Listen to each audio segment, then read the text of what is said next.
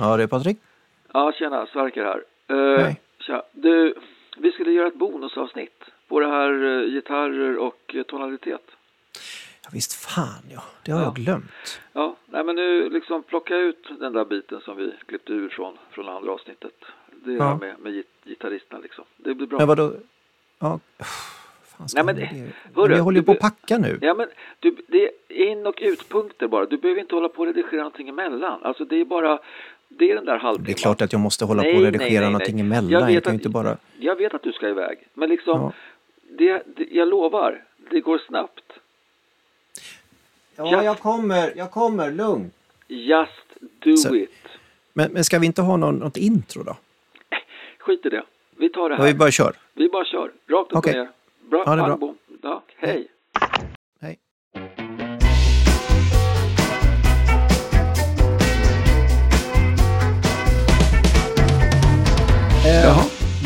Ja, nu har vi ju pratat väldigt mycket om vad andra säger, om vad andra tycker. Vi har naturligtvis tyckt om vad andra tycker och hållit med och ibland inte. Eh, Men nu kände jag att det, det, nu har jag liksom väntat länge på att till slut få lov att säga det här tycker jag är det finaste som vi kan erbjuda våra lyssnare vad gäller gitarrens betydelse för tonalitet.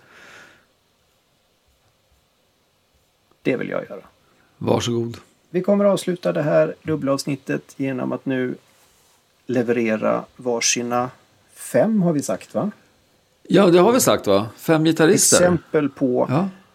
gitarrister som då verkligen exemplifierar och visar och sätter kropp på gitarrens betydelse för tonalitet. Mm.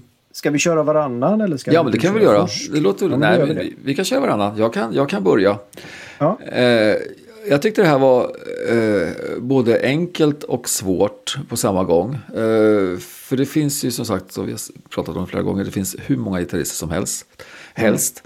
Och eh, man vill ju då plocka gitarrister som vi kanske inte har pratat om i tidigare avsnitt och sådär. Men det gick inte för mig att låta bli ändå att eh, mitt eh, första exempel blir faktiskt en, en kille som vi pratade om i, ett tidigare avsnitt då, som handlade om tonalitet. Eh, det finns ju då ett litet, litet samröre här som, som är lite kul att kanske kunna spinna vidare på i någon minut. Och det är då The Cars vänsterhänta gitarrist Elliot Easton.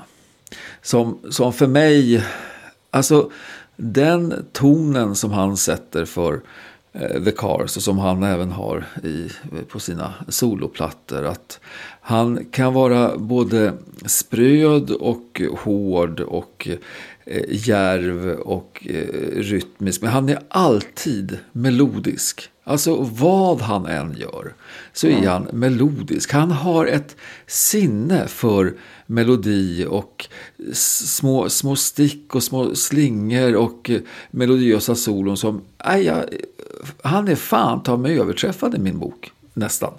Eh, så att eh, eh, jag tänker då att vi skulle kunna ta en låt som då inte är så alldeles sönderspelad eh, av andra. Eh, och det här är då från deras andra platta som heter Candy O och det här är låten Got a Lud on my head.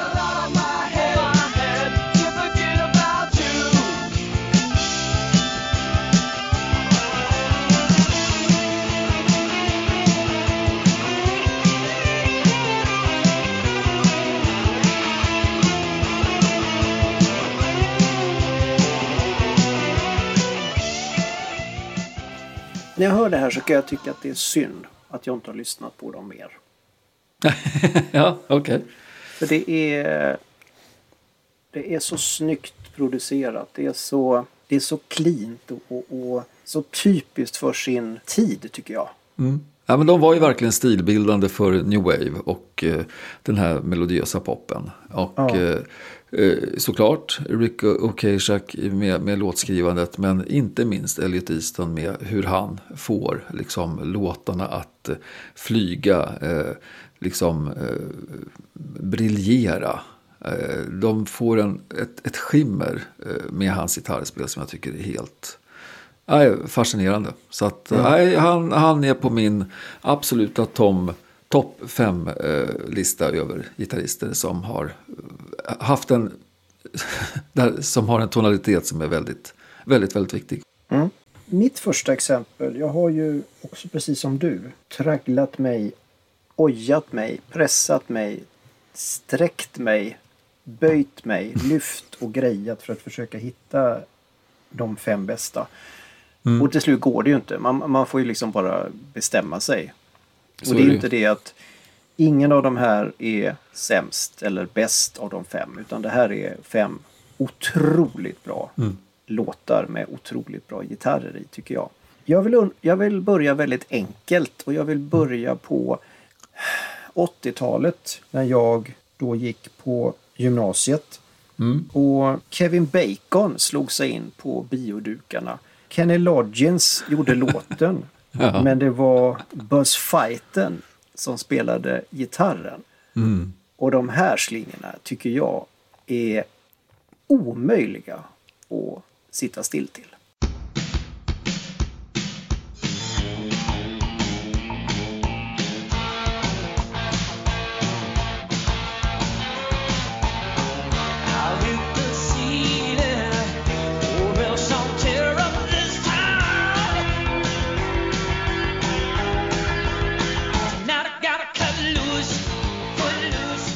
Jag, jag håller helt med. Det här är så, eh, alltså så häftigt hur man får det bara att svänga och så kopiöst mycket. Det går liksom inte. Man rör Nej. sig med hela kroppen. Man rör sig med hela kroppen ja. och det, det, är ju inte konstigt att låten och hela filmen heter Footloose. Det är inte helt galen danslåt tycker jag. Ja, ja, den är häftig. Och den är väldigt, väldigt kul att eh, lira i coverbandet på eh, olika bröllop kan jag säga. Mm. Den funkar bra på intervallträningen på spinningen också. Där, här kör man. Jag tänka mig. Ja. Ja, kul. Bra exempel. Eh, jag tänkte då nu plocka ett eh, exempel av den riktigt gamla skolan.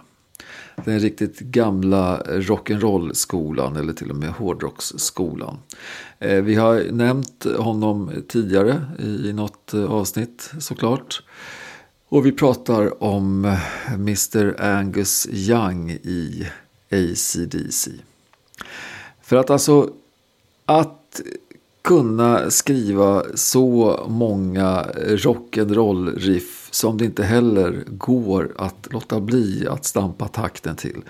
Alltså han och brorsan Malcolm, de har ju Ja, de tog ju hela eh, rockvärlden med storm och gör det fortfarande. Eh, inte Malcolm dock då längre. Men Angus med sitt, han, hans, hans tonalitet sitter inte heller bara i, i hur han spelar utan lika mycket i hur han eh, ter sig på scenen i sin eh, aningens urväxta skolkostym som eh, fortfarande eh, sitter där som en smäck. Vi tar väl en av de eh, första, största låtarna som de har haft, ACDC. Det här är Take It Away, TNT.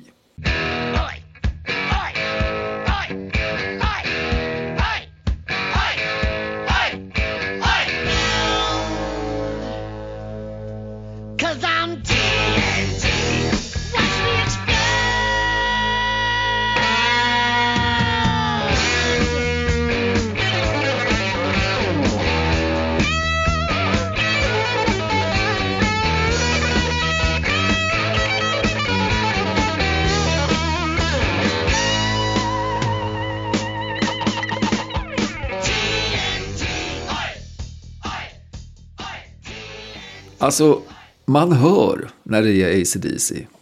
Det, liksom, det räcker med en takt av en låt så vet man att ja, här kommer ACDC och här blir det stompa stompa liksom. Här sätter fötterna igång och så är det, det är gung. Mm. Det är löjligt bra. Och, och, det är väl också en av de låtarna som introducerade ordet oj till svenskarna åtminstone. Den är tydlig kan man säga. Vi brukar säga ja. det. Eh, vi brukar prata, ibland har vi pratat om effektiva låtar eller effektiva riff. Det här är verkligen effektiv rock'n'roll. Ja, helt galen. Ja, vad har du?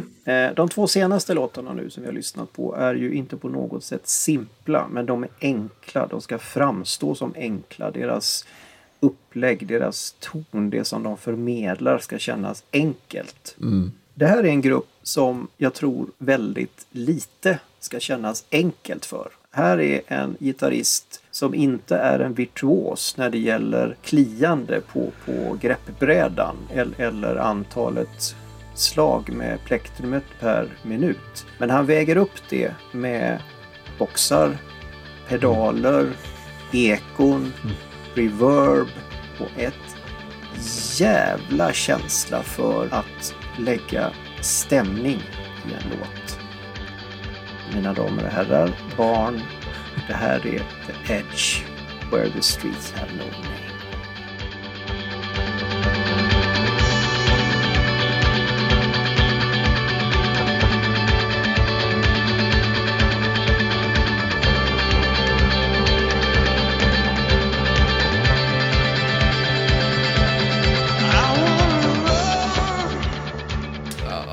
Han, han är en mästare på toner.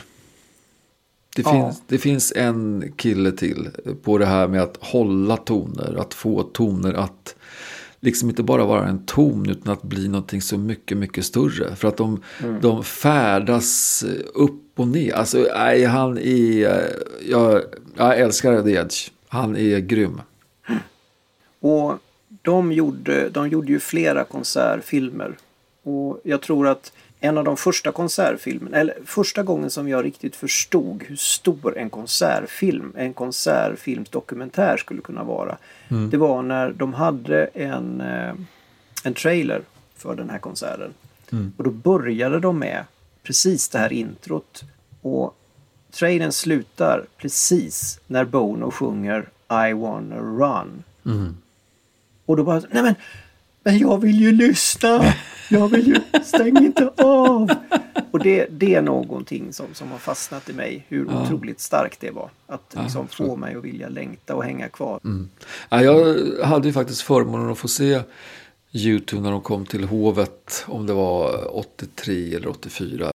Eh, Under Blood Red Sky heter ju faktiskt eh, själva eh, liven. Alltså det, Det det var riktigt, riktigt, riktigt bra. Och då var de ju, de hade ju gjort två stud- studioplattor och en live. De var ju liksom fortfarande hyfsat unga och gröna och nya. Mm. Ja, de har ju gjort så mycket bra. Ja. Även om de har blivit väldigt, väldigt stora så de har ett, ett genuint och eh, härligt, en härlig äkthet i allt det de gör. Och de bryr sig om saker och eh, jorden och eh, miljön och annat. ja, Bra snubbe du har valt tycker jag. tack. Får vi se om jag kan, eh, om jag kan matcha det på något vis. Mm. Nej men jag tänkte faktiskt ta en, en kille, vi pratade väl lite grann om honom i något tidigare avsnitt tror jag. För mig så är han en, en ny gitarrist, det visade sig att det är han ju inte alls. Han har hållit på, på länge, men jag upptäckte honom då, då eh, typ 2008. När de kom med debutplattan till det här då 6 AM. Eh, och vi pratar då om DJ Ashba som Innan det hade eh, lirat med Guns N' Roses i ett antal år. Där han tog över eh, Slash sologitarroll. Eh, och innan det hade han ett eh, band som hette Beautiful Creatures.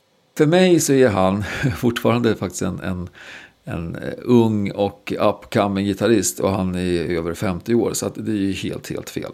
Men eh, som han lirar och som han fortfarande lirar. Eh, det är också, det är stort, det är, eh, det är mycket volym, det är mycket fassar. Men han har också en känsla för melodi i det han spelar. Både när det är lite eh, liksom softare eh, klinkereklonk eller när det är liksom tuffare.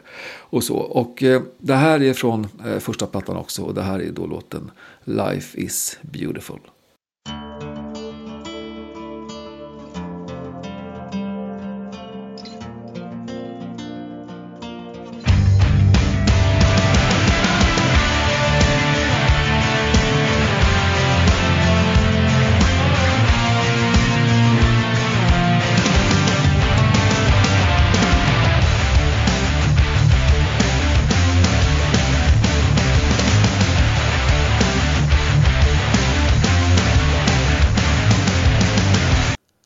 Jag blir så himla glad av att göra den här podden med dig. Okay. För jag lär mig så mycket och jag hör så mycket och jag upplever så mycket. Det, det, är, det, är lite pretentiöst kanske att säga det. Men det är lite av en, en eh, upptäcktsfärd varje avsnitt vi gör. Ja, vad kul. Mm. Jag håller med. Det är, det, är som, det är därför vi gör det här. Det är för att ja. vi ska ha kul och vi, och vi lär varandra lite grejer. Det är häftigt. Ja, mm. nej, men DJ Ersberg för mig, han är, han är en en, en häftig gitarrist. Han kommer ju också från ett, eh, en ett sargad historia med folk som inte var bra mot honom. Men han har vänt liksom, sig själv och en massa andra människor att kunna tänka positivt, att göra bra saker, att göra good shit. Liksom. Och det, med hjärta och hjärna kommer man långt och med hjärta och hjärta så kommer man ännu längre. Och det tycker jag att han är ett väldigt, väldigt bra Eh, bevis för. Mm. Din tur Patrik. Jag kan inte ducka den här. Jag kan inte styra runt den här. Det irriterar mig att jag inte kan göra det. För jag borde kunna hitta något annat. Men jag kan inte det. Ni har hört den förut. Här är den igen. Jimmy Page, Led Zeppelin, The Rain Song. Varsågod.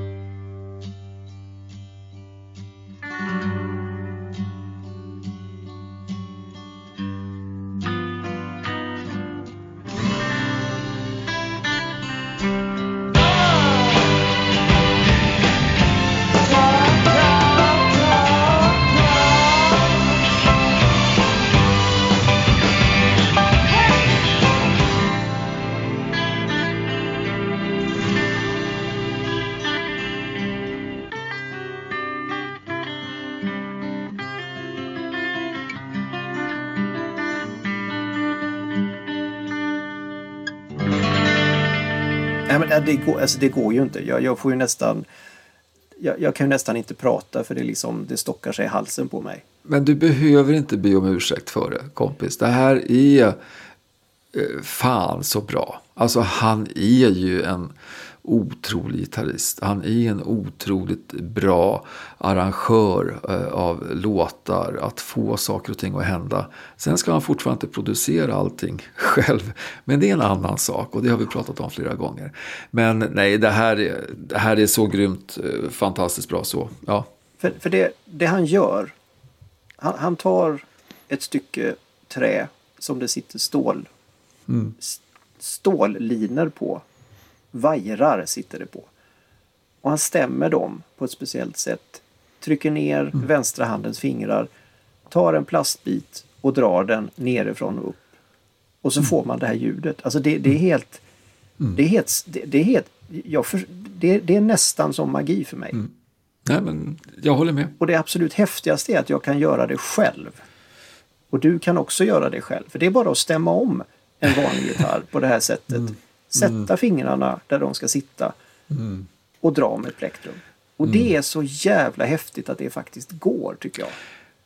Jo, men det finns ändå alltid någonting litet extra när de här ja, gitarristerna gör det. För det, de har... Ja, framförallt är det han som kom på att göra det första. Jo. Eller han gjorde det första gången. Jo, men det finns någonting i fingrarna som gör att det, det låter på något visst sätt. Jag, jag, jag skulle inte, jag visste jag skulle kunna ta ackordet som sådant mm. och få det att låta liksom rent tonmässigt så.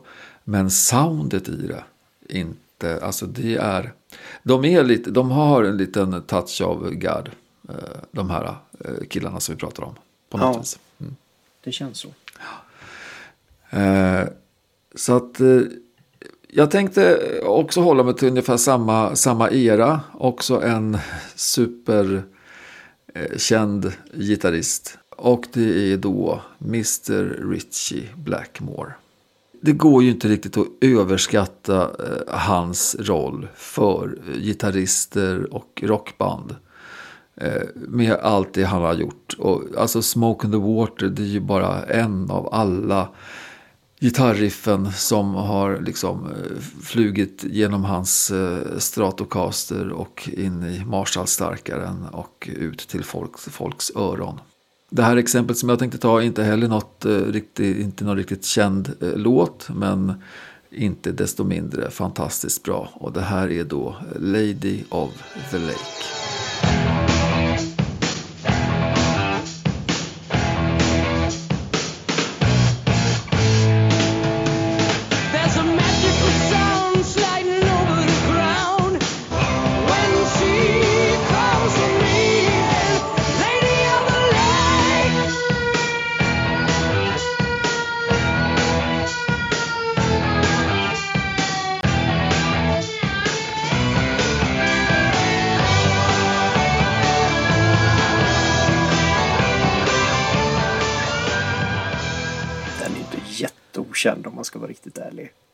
Är den inte det? Det är ju inte så att, vi, att den spelades för första gången. Den är ju askänd. Nej. Det är ju så Richie Blackmore som man blir full i skratt. Ja, men vi kan väl ta... Nej, det ska vi inte. Vi, vi, jag tycker vi bara tar en låt per, per gitarrist. Nej, men jag, alltså, Richie, han må vara säregen, ha sparkat folk på löpande band och plockat in nya människor hit och dit. Dryg skulle man kunna säga. Ja, en av de lynnigaste liksom, gitarristerna och eh, typ bandledarna i, i världen säkert. Men man kan inte ta ifrån honom hans briljans i att eh, liksom göra riff också. Och det här är lite kul tycker jag. För att Angus Young som jag pratade om tidigare och Richie Blackmore. När jag, när jag tänker på dem och tänker på deras riff som de har gjort. Så har jag alltid tänkt att nej men det, är alltså, det är ganska clean.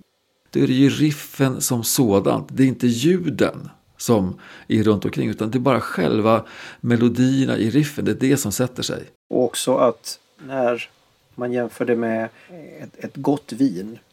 eh, Ja. Det spelar ingen roll om det vinet kostar 60 spänn eller 600 spänn. Nej. Är det gott så är det gott. Exakt så. Och det är sällan man sätter sig ner och funderar på Ja, undrar vad det här bestod av för högtonar och vilken... Utan det är gott. Och Det är lite gott. grann är det med Ja. Youngs och Blackmores riff. Ja. De är bra. De är bra. Ja. Ska du ta din fjärde gitarrist kompis? Ja, Ja. det ska jag göra. Min näst sista är faktiskt The Doobie Brothers. Ja. De tänker man kanske inte riktigt att det är ett sånt där rockband som kan klösa på lite. Nej. Jag beslöt mig faktiskt att jag skulle ut och leta efter saker som jag inte kände till så väl. Och då hittade jag de här. The Captain and Me från 1973. Ja. Jag hittade låten China Groove. Och jag kände jag måste köpa mig en bensinslukande bil och åka Road, Road 66 innan jag dör. Och när jag gör det och svänger ut på Route 66 då ska jag ha på det här.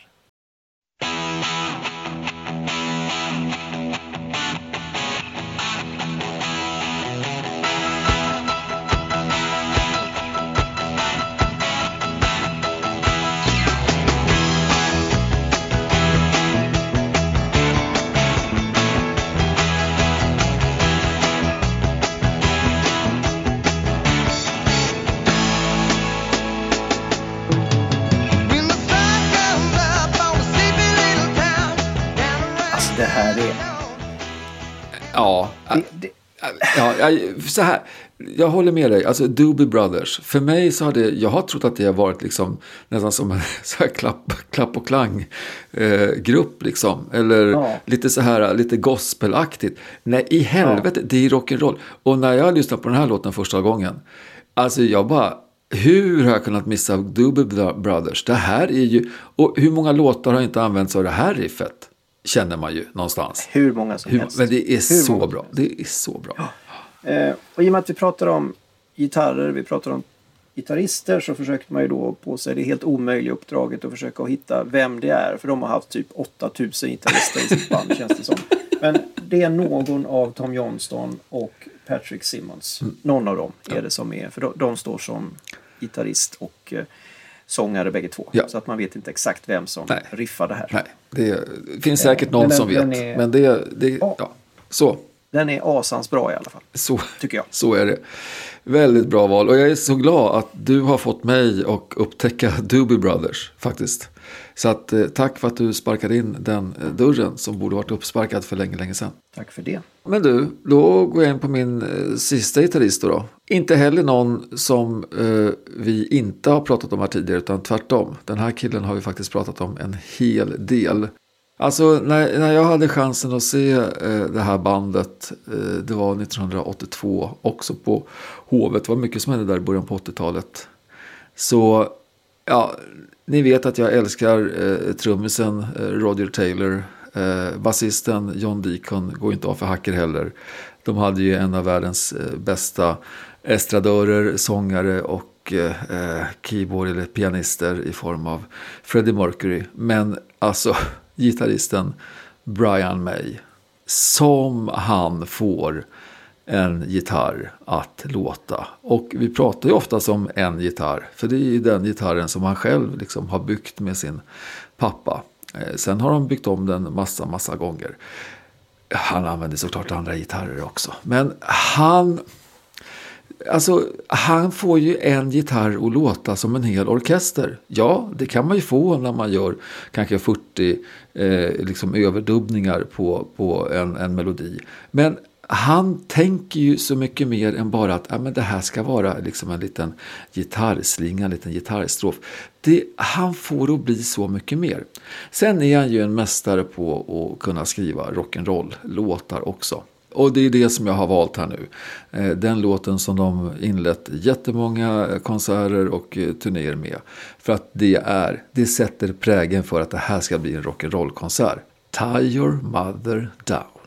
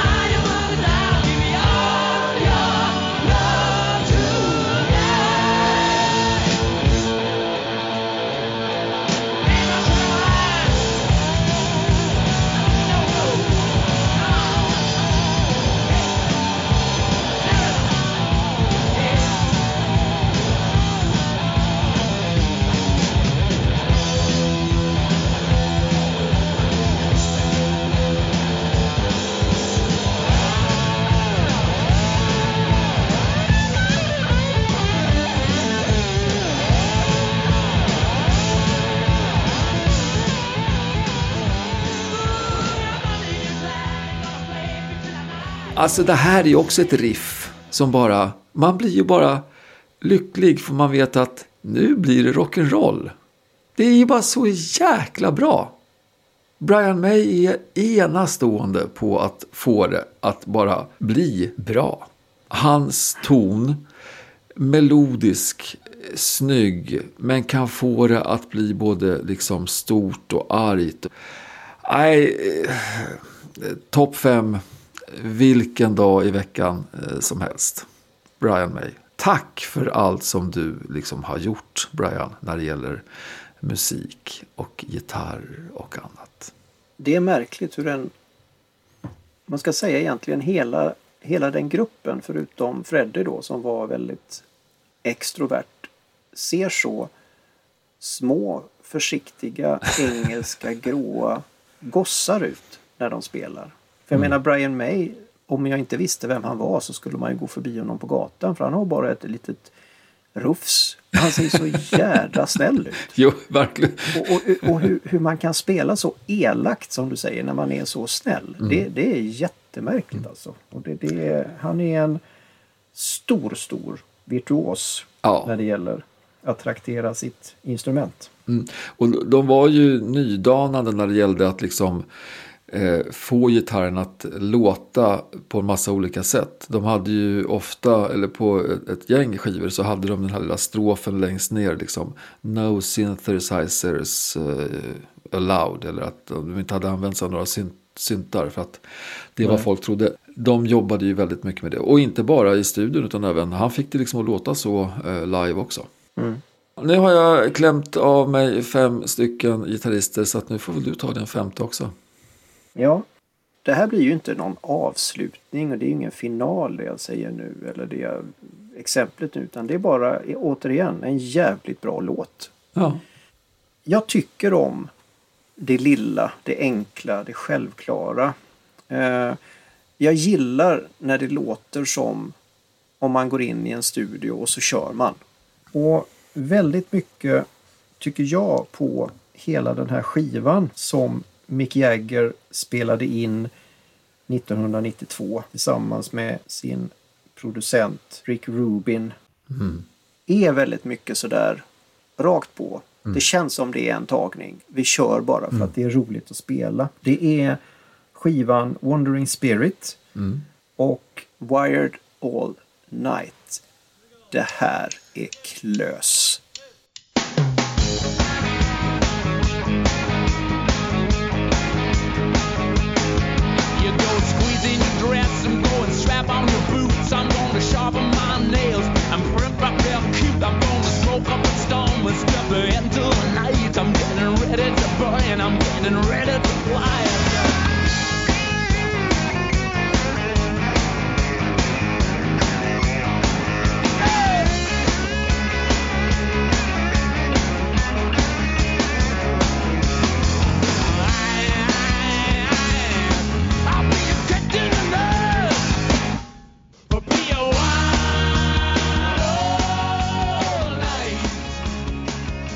Det här riffet är så...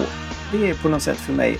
Det, det blir inte bättre än så. här. Nej. Jag tycker faktiskt inte Nej, men- I, I all sin enkelhet, i all sin elegans, i all sin finurlighet och det här jävla trycket, matandet. Jag, jag är... Ja, men det finns ju något skitigt i det här också tycker jag. Alltså, och, det här, och det är det som gör det så, eh, så jäkla läckert. Alltså, att, mm, eh, man pratar om, om det här med garagerock. Ja, det här är inte garagerock på det viset, men jag, jag, jag hittar inte något bättre ord ändå. För att eh, den energin i att liksom, och man bara känner att fan, de har så kul när de står och lirar det här. Man, det, hela atmosfären från studion sitter här rakt under liksom eh, pickuppen på vinylskivan. För det här ska egentligen lyssnas på vinylskiva. Det ska vara vinyl, det ska gärna vara lite buckligt, det ska gärna vara lite raspigt. Det ska vara, då får du till det här ännu Nej, jag är grymt. Och, men den här, den här gitarristen, aldrig hört talas om. Liksom, Nej, det är ju då en av två, kanske tre. Det, det här är ju ett eh, plock ihop. ja. Antingen är det Brendan O'Brien. Mm. Det kan också vara Frank Symes. Kudos till er Ja. grabbar. Huta, utan tvekan. Utan tvekan. Bra avslutningslåt. Ja. Och du, Patrik, stort tack till dig också för ett jäkligt bra program den här gången med. Jättekul. ja, det var bront och roligt. Ja, det var det. Vi hörs. Ja, hej. Hej.